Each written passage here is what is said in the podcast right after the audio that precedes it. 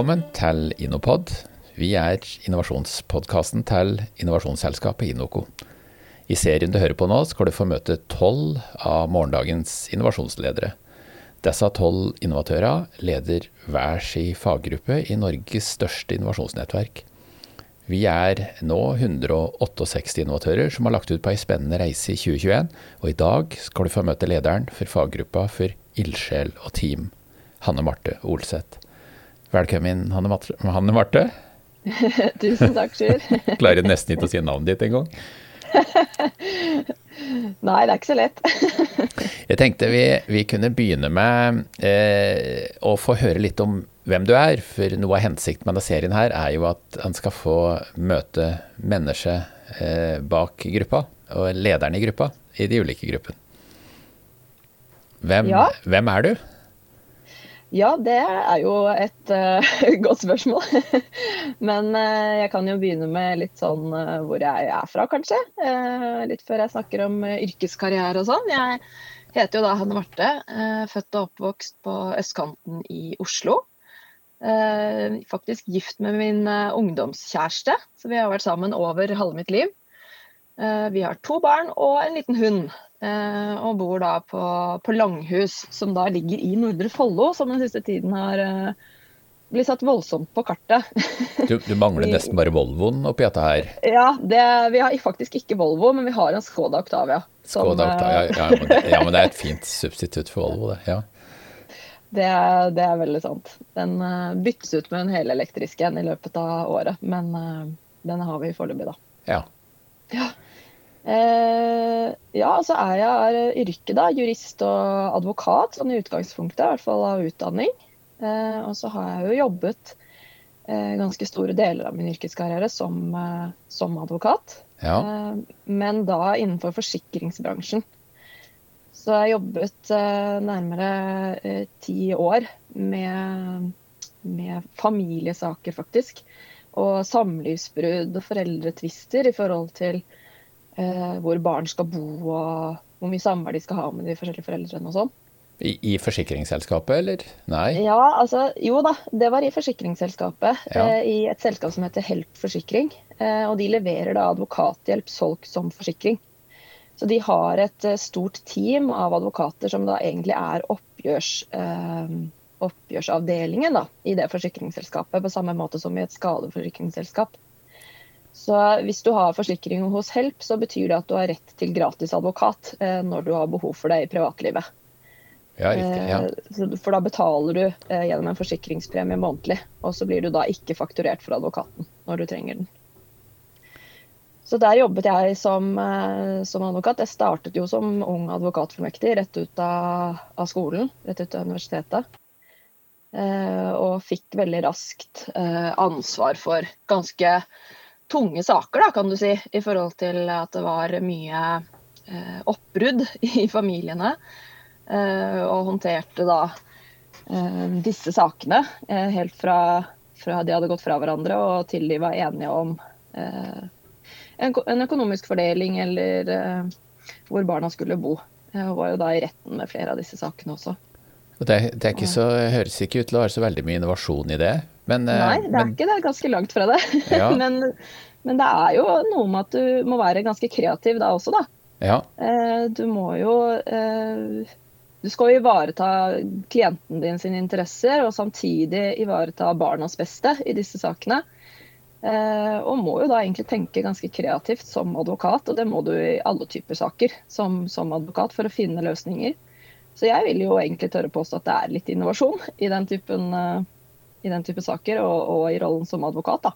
ja, ja, men det er godt å høre. Og nå, nå, eh, nå jobber du i Fremtiden, som, eh, som er et annet forsikringsselskap. Det gjør jeg. Eh, De siste, de siste årene jeg jobbet i, i Help, så var jeg produktsjef. Og da kom jeg inn i dette med digitalisering. Og jobbet da i en del store digitaliseringsprosjekter og fikk prosjektlederansvar for de.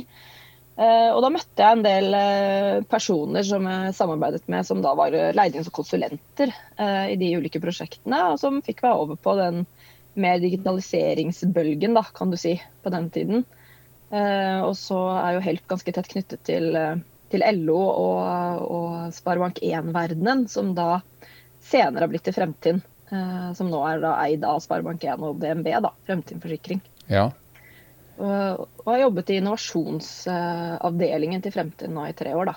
Så, så, veien din inn, bare for å så eh, Det er jo noe som heter at livet leves fremlengs, men kan eh, tolkes baklengs. Så, så, hvis vi skal tolke din vei, da, så er det altså jusstudiet, inn som advokatfullmektig, eh, og så går det via digitalisering og inn i innovasjonsavdelingen til Fremtiden. Ja, det stemmer. Uh, og underveis der så har jeg gjort uh, mange forskjellige ting.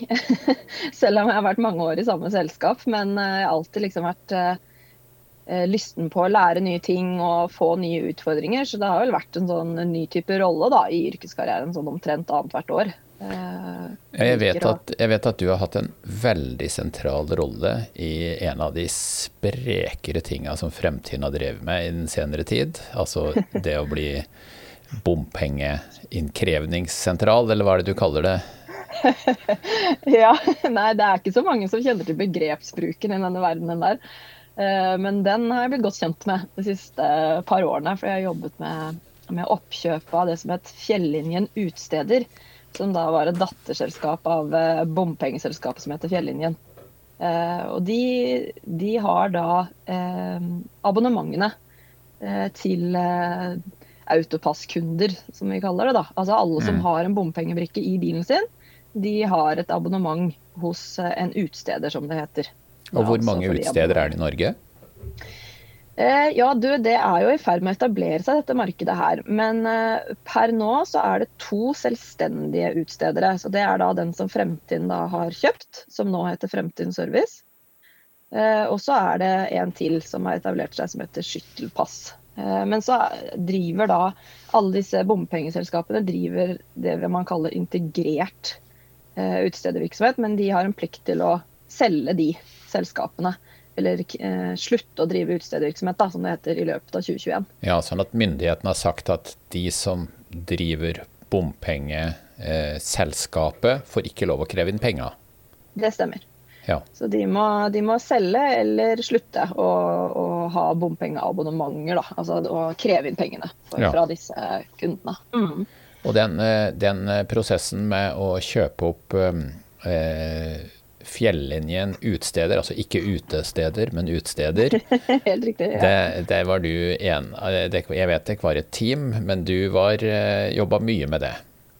Jeg jobba mye med det. Vi var et ganske lite team, for det var jo en, eh, en eh, ganske sånn strategisk eh, prosess da, i forhold til at det var jo selvfølgelig noe helt nytt. Det er jo ikke noe som et forsikringsselskap er kjent for å drive med fra før.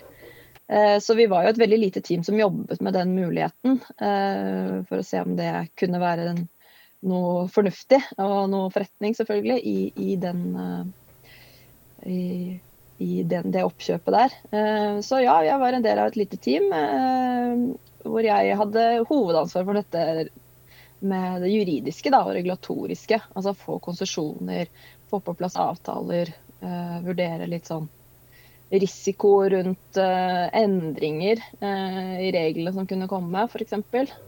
du snakket jo om nettopp, eller nevnte nettopp at myndighetene har bestemt. Eh, det er jo en reform dette her, som kommer fra en politisk reform egentlig, og så munner det selvfølgelig ut i et regelverk som er endret, og som eh, disse aktørene må forholde seg til. Da. Mm. Jeg har Jeg kan jo nevne til, både til deg og til lytteren. Da vi skrev boka 'Innovasjon i praksis' for sju år siden, så snekra vi sammen en prosess med Vi var 154 mennesker som lagde boka 'Innovasjon i praksis' etter hvert. Og eh, da hadde vi med én advokat av 154 deltakere i denne runden her. Nå er vi 168 stykker, og det er fire advokater inne. Så man kan jo lure på det om advokater er på vei inn på innovasjonsarenaen, eller om det bare er tilfeldigheter. ja, nei, det er jo et godt spørsmål. Eh, det er jo som jeg eh, sa innledningsvis, at jeg mener jo det ligger mye innovasjon i eh, i eh, jobben som advokat. Eh, for det er jo, vi må jo hele tiden forholde oss til endret faktum, da, som vi kaller det, i, i sakene våre. Eh, og da må vi jo være endringsdyktige. Vi må liksom raskt kunne ta stilling til disse, disse faktaendringene og kunne mene noe om hva de har å si for, for saken til klienten vår. Mm. Så jeg tenker jo at det kanskje ikke er helt tilfeldig. Nei, nei, det, Selv om ja. Det er i hvert fall veldig hyggelig å, å se at vi har hatt den, den endringa eh, i, i, den gruppa her. Men for å gå litt på den gruppa du leder. Du er jo leder for Ildsjel og Team-gruppa. Eh, kan du si litt om gruppa di, og hvilke tanker dere har gjort deg? Ja, eh, det kan jeg. Vi er en, eh, en, gjeng som rett og slett er nysgjerrig på, på menneskene som er i innovasjonsprosessen. Eh, og skal finne ut av hva de har å si da, når man jobber med, jobber med innovasjonsprosjekter. Og vi har jo vi har hatt et par møter hittil, og vi er vel alle ganske enige om at vi gjerne skulle møttes fysisk, selvfølgelig, men, eh, men, eh, nå har vi jo til en viss grad eh, akseptert at det, det, får vi kanskje ikke til med det første. Så nå prøver vi å gjøre det beste ut av situasjonen slik den er for tiden, for alle. Uh, så da bruker vi tiden nå på å prøve å dypdykke litt ned i da, den tematikken i kapitlet vårt, uh, nemlig ildsjel og team, og da menneskene i innovasjonsprosessen. Ja, så dere tar tak i alt fra enkeltmenneske til menneske i gruppe? Ja, helt riktig. Så for å prøve å, å, dykke litt ned i dette her, så har vi da valgt å dele oss opp i noen mindre grupper, sånn at alle, alle får bidratt da, eh, og jobbet fokusert i de mindre gruppene. Fordi det er jo ikke nødvendigvis så enkelt å sitte tolv stykker på, i store digitale eh, møter hele tiden og få, få, til en ordentlig fremdrift på dette her, eller at alle kan få lov til å føle at de bidrar, da. Så, eh, så vi har rett og slett eh, gruppert oss inn i fire små grupper som eh, skal finne noen eksempler på, på innovasjonsprosjekter, eh, både som har lykkes og som ikke har lykkes. For å se om vi kan finne noen fellestrekk da, mellom menneskene og teamene som jobber i innovasjonsprosessen. Og de fire gruppene, er det hva, hva, hva, hva gjør de forskjellige gruppene der? Eh, vi har delt det inn med litt sånn forskjellig eh, hva skal jeg kalle det, inngang til tematikken. Rett, for, rett og slett for å sette en litt ulik tone. Eh, sånn at man kanskje får en ulik innfallsvinkel og dermed litt ulike historier da, ut fra arbeidet man gjør. Men målet er jo å få frem eksempler på, på menneskene som jobber i, i innovasjonsprosessen. Men da er det da noen jobber litt mer fokusert mot teori, noen jobber litt mer eh, fokusert mot suksesshistorier. Så er det en tredje gruppe som jobber eh, for å få opp noen liksom failure-historier. For å se hva var det som var årsaken til at man ikke lyktes med noe, f.eks. Ja. Eh, og så har vi en siste gruppe som skal prøve å, å, snakke med folk om tematikken. Altså bruke nettverket vi, vi er en del av, da, og snakke med folk om hva de, andre legger i begrepet ildsjel og team, eh, eller eh, hva andre mener er viktige fellesnevnere, da, eller viktige drivere, kanskje, for menneskene i, i innovasjonsprosessen. Så det kan, egentlig, det kan egentlig lagt ut på ei, ei, reise hvor nysgjerrighet og læring rundt ildsjel og team er, er, sentrale drivkrefter? Ja, rett og slett. Det, det kan du si. Det var godt, uh, godt oppsummert. Og så skal dere etter hvert også skrive det kapitlet som skal inn i den boka som vi skal lage ja. i fellesskap. Men eh, det har vel det har jo ikke noe hast, for den boka er, ligger på planen i 2022. Så Ja, vi er jo i startfasen. Så hittil så har vi hatt veldig veldig gode diskusjoner eh, i gruppa. Det er, det er, tydelig at det er en gjeng som er opptatt av menneskene i, rundt seg og i, i innovasjonsprosessen, som er i denne gruppa. Så veldig gode diskusjoner og, og klart å få en, en, viss retning, i hvert fall. Eh, og beveget oss et sted. Og så er vi nysgjerrige, som du sier. Så får vi jo se hvordan vi driver dette frem underveis her. Ja, jeg har eh, sånn avslutningsvis så har jeg også lyst til å høre med deg om, eh, om det er noe som har vært overraskende eller nytt eller annerledes eller lærerikt osv. på den reisa du har vært på ifra altså Nå tenker jeg innovasjonsmessig, da. Ifra at du var ung jurist, advokatfullmektig, jobber med skilsmisseproblematikk, over til digitalisering og over til og sitter og kjøper opp eh, og overtar eh, bompengeinnkreving. Er, er, er, det, er, det noe, Er det noe som har vært rart, annerledes, noe du har lært spesielt av? Ja, altså eh, Jeg egentlig sitter igjen med holdt på å si tre, tre ting, kanskje. Og det ene er, eh, som jeg akkurat var inne på, dette med menneskene. Jeg tror det, det betyr veldig mye for meg og for uh, de som jobber med innovasjon, at menneskene man jobber med, uh, bryr seg da, og bidrar. Og det, det er sånn som stadig overrasker meg, hvor uh, mye ekstra folk ofte er villige til å gi for å få til noe sammen. Eh, og det er noe som motiverer meg eh, veldig i hverdagen. Eh, å jobbe sammen med andre som har lyst til å få til noe. og gjerne da det samme som jeg har lyst til å få til.